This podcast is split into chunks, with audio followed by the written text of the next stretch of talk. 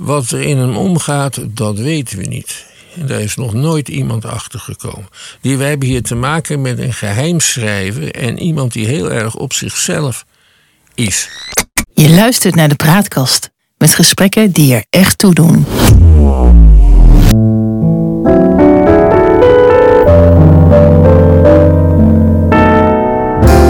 Welkom bij de Praatkast.nl. Dit is een aflevering van het Geheugenpaleis. Mijn naam is John Knierim en samen met Han van der Horst maken we deze podcast. De geschiedenis herhaalt zich nooit, maar rijmen doet die vaak wel. En dat gegeven gebruiken we in het Geheugenpaleis om dieper in te gaan op de actualiteit. Om zo te ontkomen aan de waan van de dag en om tot de kern van het nieuws te komen. Bijna 13 jaar is Mark Rutte onze premier. Hij is de langstzittende premier die we ooit gekend hebben. Han, ben je hem al zat? Ja. Ik ben hem eh, behoorlijk zat. En ik begin me al te ergeren als hij zijn mond open doet over wat dan ook. Dat specifieke toontje van die man. Eh, die manier van spreken, die was in 2010 misschien nog wel eens verfrissend. Maar nu erger ik me er wezenloos aan. En ik denk, daar staat hij, de leugenaar. En ik weet tegelijkertijd eh, dat dat overdreven is. Maar dit roept hij bij mij op. En ik vermoed ook bij een groeiend aantal Nederlanders. Maar wat is dat dan waar je je specifiek aan ergert? Dat snap ik toch niet zo? Er zit een soort frivoliteit in en tegelijkertijd een neiging om uh, zijn eigen positie boven alles te stellen. En dan is er het vinden van geitenpaadjes die uh, in feite smokkelaarspaadjes zijn. Geen fan, daar praten we hier mee. Dat is wel, wel duidelijk. Maar je zou toch ook, als je kijkt naar de verdiensten, kunnen zeggen dat dit een man is die al 13 jaar de Nederlandse politiek, of binnen de Nederlandse politiek, op, op een ja, behoorlijke efficiënte wijze ons land weet te leiden in een zo verdeeld ik, ik denk, electoraal landschap als wij hebben. Is dat een ware prestatie? Ja, en is het dan ook een ware prestatie om een schandaal op je naam te hebben met betrekking tot de toeslagen, om uh, een enorme woningnood uh, op je konto te kunnen schrijven, om de ondergang van de bejaardenzorg en voor een belangrijk gedeelte ook van de jeugdzorg te hebben veroorzaakt. Ja. Um, er zijn, is heel veel fout gegaan in die 13 jaar.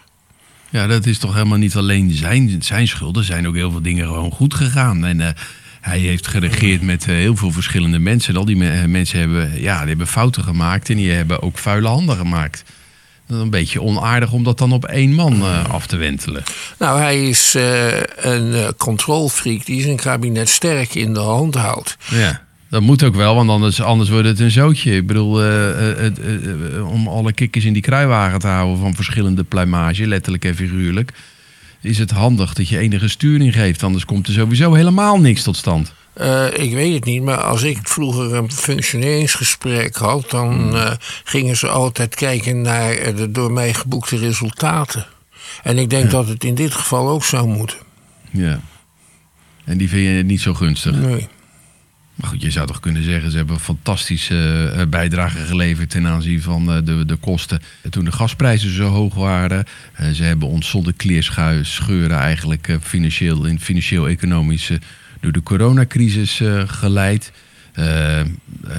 Nederland, ondanks wat veel mensen zeggen, is toch een land waar, waarin de mensen over het algemeen behoorlijk gelukkig zijn. Belastingdruk is niet te hoog, we hebben functionerende staat.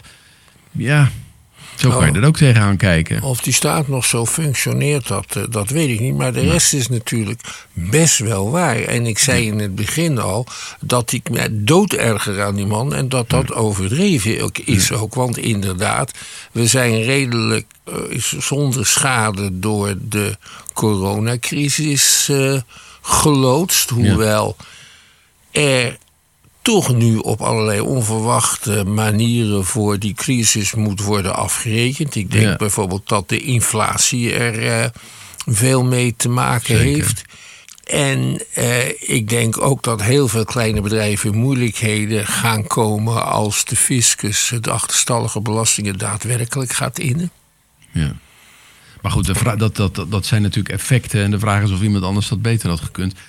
Evenwel eh, lijkt het er toch een beetje op dat, we dat, dat we in Nederland ons aan het klaarmaken zijn eh, voor een, voor een vertrek van, eh, van, van Rutte. Ja, Ik bedoel, hij zit er 13 jaar, nou, ja, bijna 13 jaar, nog nooit vertoond. Mm, Zou hij nog een keer voor vier jaar opgaan of is het nu wel klaar? Wat denk je?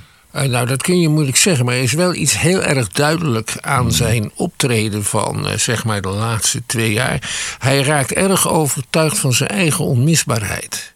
Ja, waar blijkt dat uit dan? Eh, uit het feit dat hij steeds naar voren komt en zegt dat hij door hemzelf gemaakte crisis wil Ja. oplossen. Enzovoort. Uit het feit bijvoorbeeld dat hij een keer wel vanwege de, het toeslagenschandaal met zijn kabinet Ja. eh, aftrad. Eh, toen dat electoraal gunstig uitkwam, maar dat een paar weken geleden niet deed bij een eh, even gigantisch hebt het over schandaal. de gascrisis, eh, zeg maar, eh, wat er in Groningen gebeurt. Precies, en hij, is, hij, is, hij denkt dat hij onmisbaar is en dat is gevaarlijk, want dat kan zijn reputatie uiteindelijk Ja. erg schaden. Ja, dat heb je vaker gezegd in de podcast. Dat hij, dat hij ja, een beetje denkt dat het zonder hem niet kan. En dat deed me eigenlijk een beetje denken aan Margaret Thatcher. Dat is trouwens eh, prachtig in beeld gebracht in een film die over haar leven is gemaakt. Eh, volgens mij speelt Meryl Streep daarin de hoofdrol, maar dat wil ik vanaf zijn. En, en, ja, maar eh, zij wordt op een gegeven moment ja, ook soort, voelt ze zich boven de partijen verheven en, en gaat een soort ja, koninginnengedrag vertonen. Is dat ook een beetje waar je het over hebt? Margaret Thatcher heeft iets geïntroduceerd wat ook de visie van Rutte Mhm. in Nederland is overigens. Namelijk dat mensen voor hun eigen lot verantwoordelijk zijn. En op grond daarvan heeft zij grote hervormingen Ja. tot stand gebracht in het Verenigd Koninkrijk.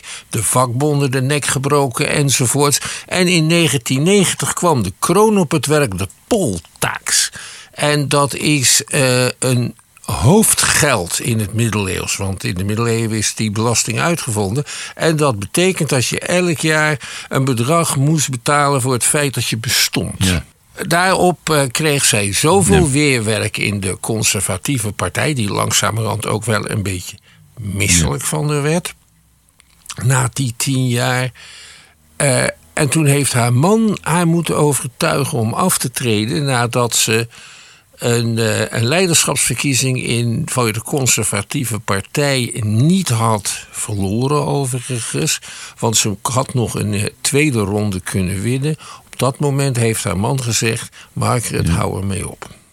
Wat ik zo mooi vind eh, in die film is dat zo duidelijk wordt dat zij eh, binnen dat kabinet, waar je steeds andere ministers hebt, zich, zij zich echt verheven gaat voelen boven de gewone ministers.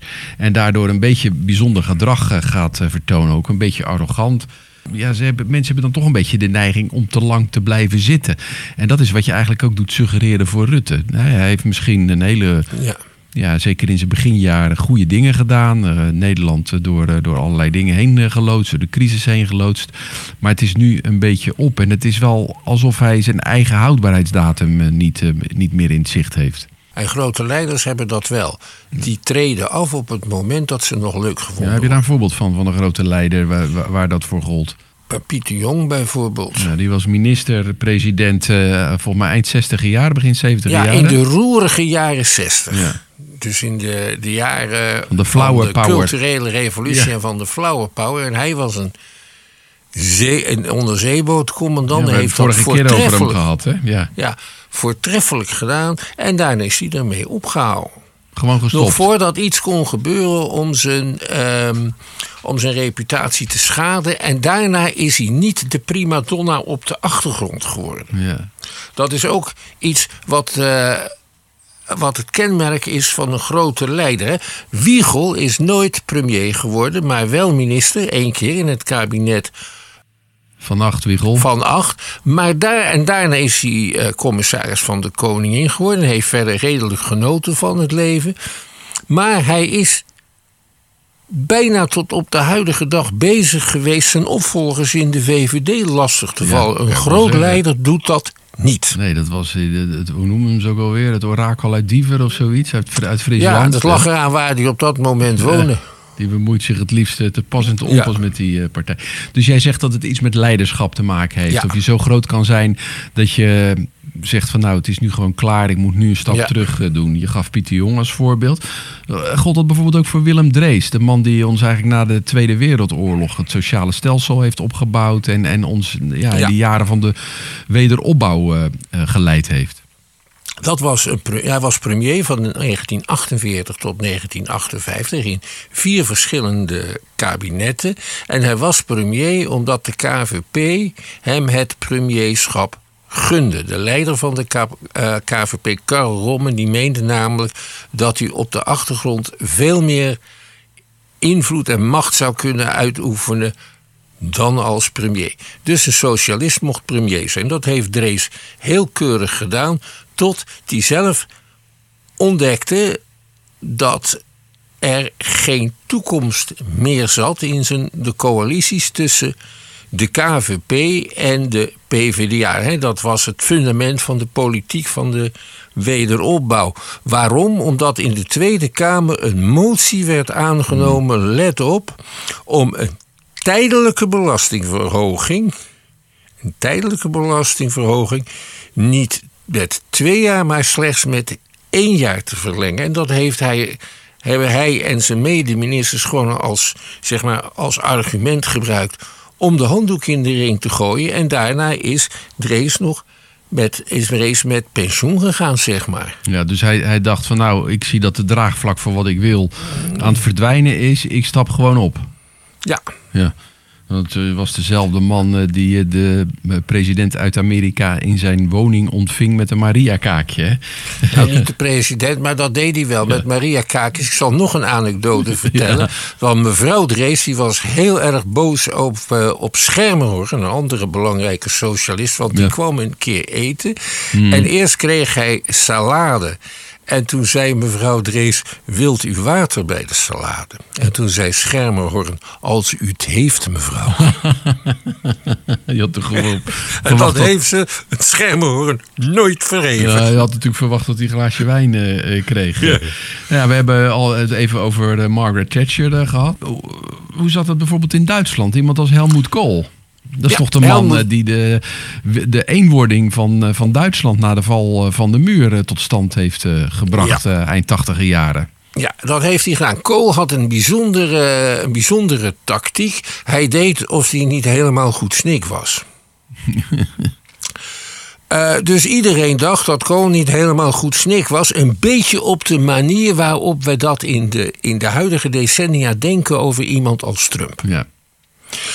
Uh, maar Kool, die sloeg zo nu en dan, als iedereen eenmaal dacht dat hij toch gek was, genadeloos toe. En zo bleef hij altijd aan de macht. En zo is hij er ook in geslaagd om Duitsland te verenigen. Ja, dat heeft hij toch wel, hij... Uh, wel op een hele sublieme wijze gedaan. Door te zeggen, we gaan het gewoon doen. Dat getuigt toch wel van durf en van ja, moed. natuurlijk. Hij, hij heeft dat geweldig gedaan. Ja. Maar daarna dacht hij, en nu ga ik West- en Oost-Duitsland ook integreren. En hij sprak over bloeiende landschappen die zouden ontstaan op het gebied van de DDR. Helemaal niks van terechtgekomen. Heel pijnlijke processen zijn dat geweest, ook met heel veel oneerlijkheid erin.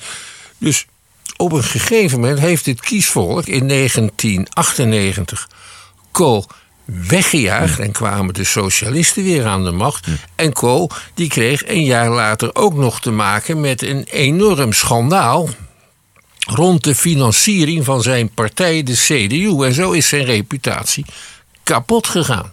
Terwijl hij van alle Duitse kanseliers de allergrootste prestatie heeft geleverd. Zonder meer. Maar je, je, je, weet toch eigenlijk, als je zo eh, daarop terugkijkt en dat beschouwt, dat op het moment dat zo'n eenwording tot stand gebracht wordt tussen Oost- en West-Duitsland, dat je weet dat dat na de wittebroodsweken of de wittebroodsjaren die daar eigenlijk daarna ontstaan, dat dat een keer mis zou moeten gaan. En dat is toch ook een heel groot afbreukrisico voor een politicus. Dat kan je toch van tevoren al schrijven, dat scenario. Ja, maar je kan op een gegeven moment zoveel zelfvertrouwen krijgen dat je denkt dat voor jou dat niet meer geldt. Neem bijvoorbeeld Churchill. Ja. Churchill is in de Tweede Wereldoorlog premier geweest, maar in het begin van de jaren 50 ook nog eens een keertje. Toen was hij eigenlijk al te oud.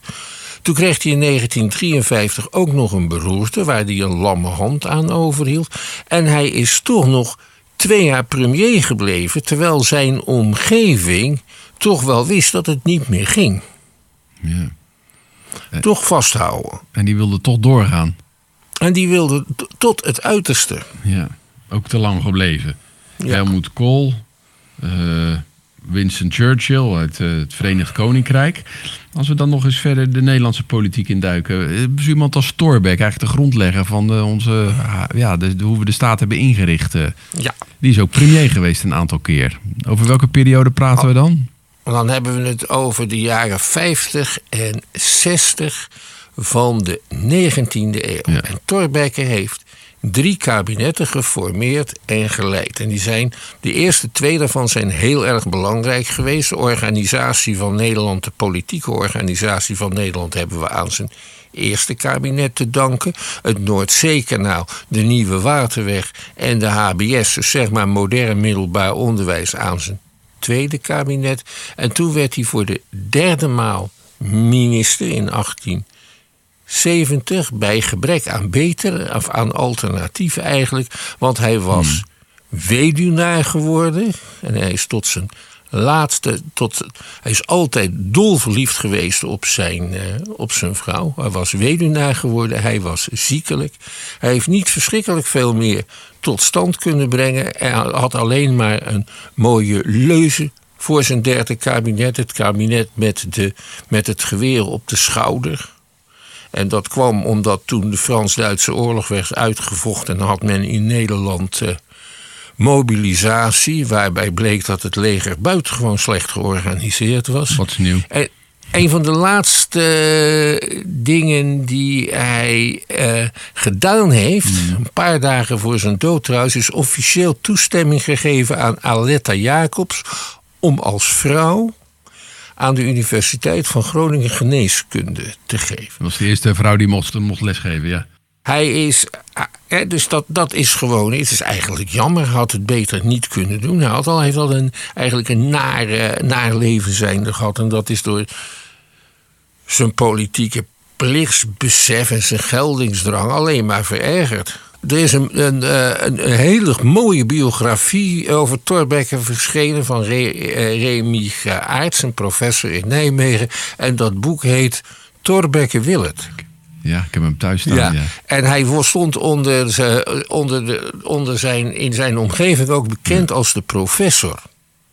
En de professor kon uitermate vervelend doen als die de indruk kreeg dat jij je zaakjes niet had Maar, maar, voorbereid. maar hoe is hij dan ten, zeg maar, ten val gekomen? Gewoon omdat hij, hij ging dood.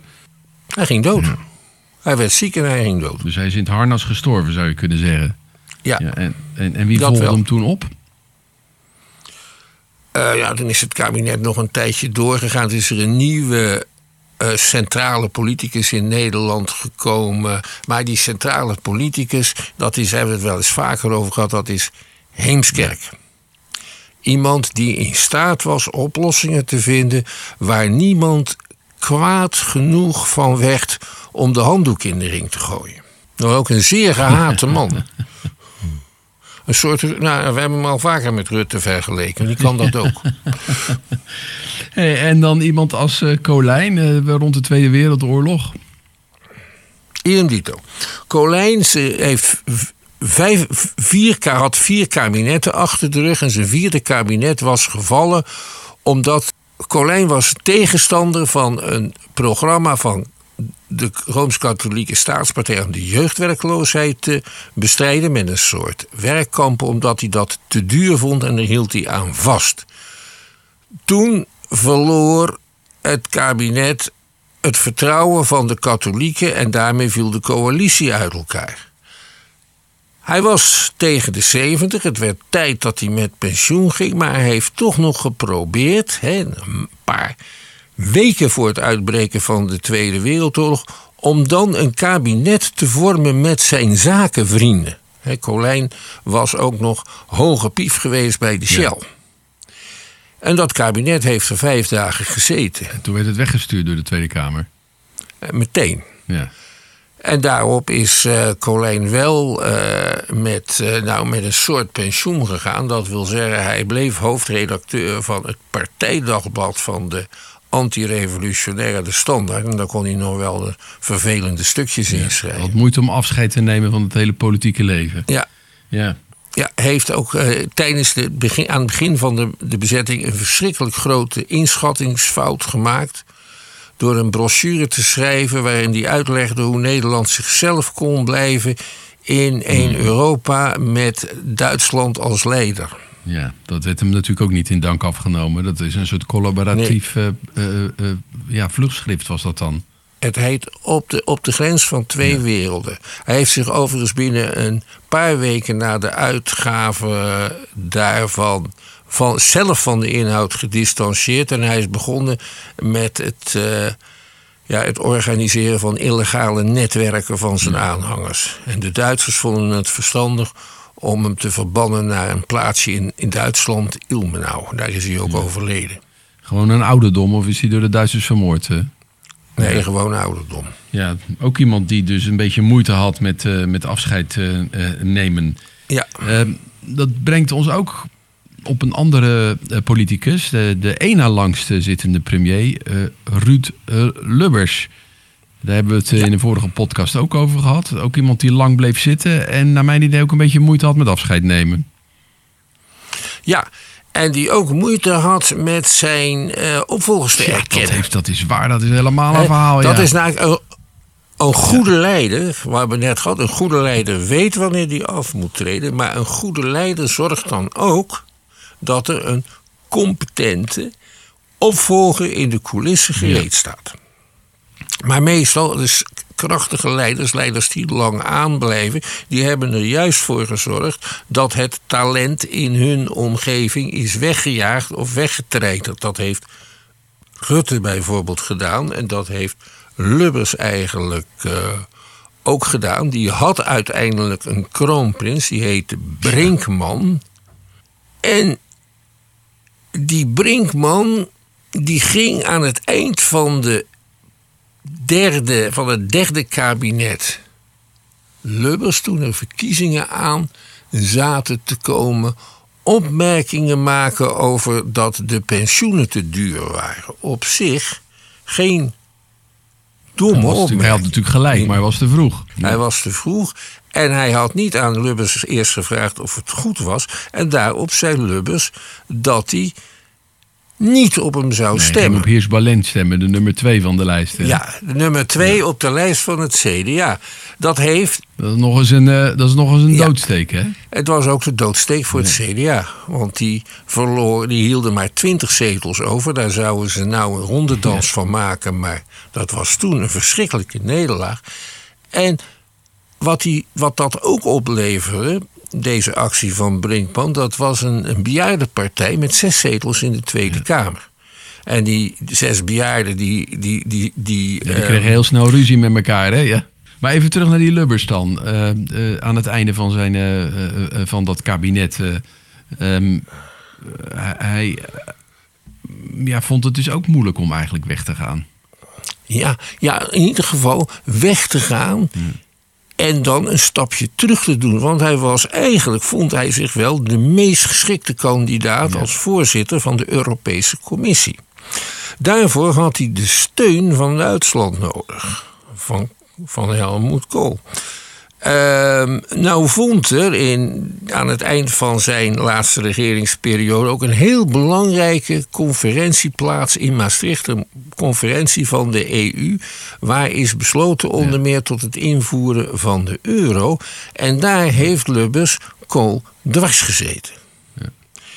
En dat is Kool niet vergeten. Dus hij heeft nooit een baan gekregen bij de Europese Commissie. Hij moest zich tevreden stellen met een hoogleraarschapje aan de universiteit in Tilburg. En hij is nog een tijdje directeur van een VN-vluchtelingenorganisatie geweest. Maar een grote Europese carrière zat er niet meer in. Hij is opzij geschoven. En als je achteraf kijkt naar wat hij allemaal tot stand heeft gebracht. eh, dan is dat niet zo negatief, maar is ook te lang blijven hangen. Zijn hand overspeelt. Ja, ja, ja. En dan ja. sta je te kijken. Nou ja, afrondend dan, ehm, eh, als we dan kijken naar Rutte, want daarvan wordt gezegd dat hij Europese ambities heeft, of dat hij misschien wel voorzitter eh, van de NAVO-raad moet worden, of hoe heet dat? eh, zoals hij Jaap de Hoop Scheffer ook geweest is. en Rutte zegt altijd van nee, ik wil in Den Haag blijven, want dat vind ik allemaal zo leuk. Maar wat, wat, wat zou er in hem omgaan? Of, of denkt hij nog van nou, nog vier jaar, four more years? Wat er in hem omgaat, dat weten we niet. En daar is nog nooit iemand achter gekomen. Die, wij hebben hier te maken met een geheimschrijver en iemand die heel erg op zichzelf Ja. is. Weet je? Hij woont op een verdiepingje in zijn eentje en hij is 57. Er is niets bekend over enige verliefdheid op wie dan ook. Ja, hij leeft voor dit vak. Hij gaat daar helemaal voor dag en nacht. En het is zijn lust en zijn leven. Dus je kan je ook wel voorstellen dat het verschrikkelijk moet zijn als hij eh, dat werk niet meer kan doen. Ja, en daarom is geen grote leider. Want als hij na het neerleggen van zijn functie niks meer heeft om voor te leven, dan is er toch iets niet helemaal in orde. Ja, nou, we zullen het zien hoe het eh, gaat eh, de komende tijd. Het kabinet zou nog eh, nou een jaartje of anderhalf volgens mij eh, moeten zitten. Maar misschien eh, valt het wel eerder. En eh, dan eh, zal er misschien wel een soort leiderschapscrisis ontstaan binnen de VVD. Ja, natuurlijk, want alle, de, alle talent is de partij uitgejaagd. Eh, eh, en mevrouw Schippers is nou ook niet bepaald, die dan gezien wordt als een mogelijke opvolger en erg multitalent. Zou Klaas Dijkhoff niet klaarstaan in de coulissen? Eh, als hij terug kan komen, wel, denk ik. En ik denk ook dat Klaas Dijkhoff het zou En die kunnen. heeft de laatste jaren schone handen, want die eh, stond aan de zijlijn. Dus dat zou tactisch gezien nog wel eens een goede, een goede move kunnen zijn. Ja, hij verricht onduidelijke consultancyactiviteiten. Nou, we gaan het met eh, veel belangstelling volgen de komende tijd. We, we- en we wensen Mark Rutte dan eigenlijk veel wijsheid en, en leiderschapskwaliteiten toe. Vooral wijsheid. Want dat heeft hij nu het hardste nodig. En niet wat hij zelf denkt dat wijsheid is. Dat waren mooie laatste woorden in deze podcast.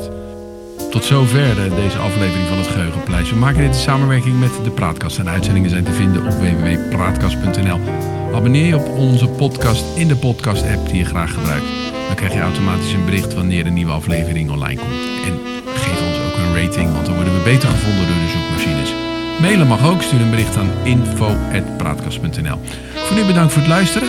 Tot de volgende keer. Wees gelukkig, blijf gezond en drink genoeg water.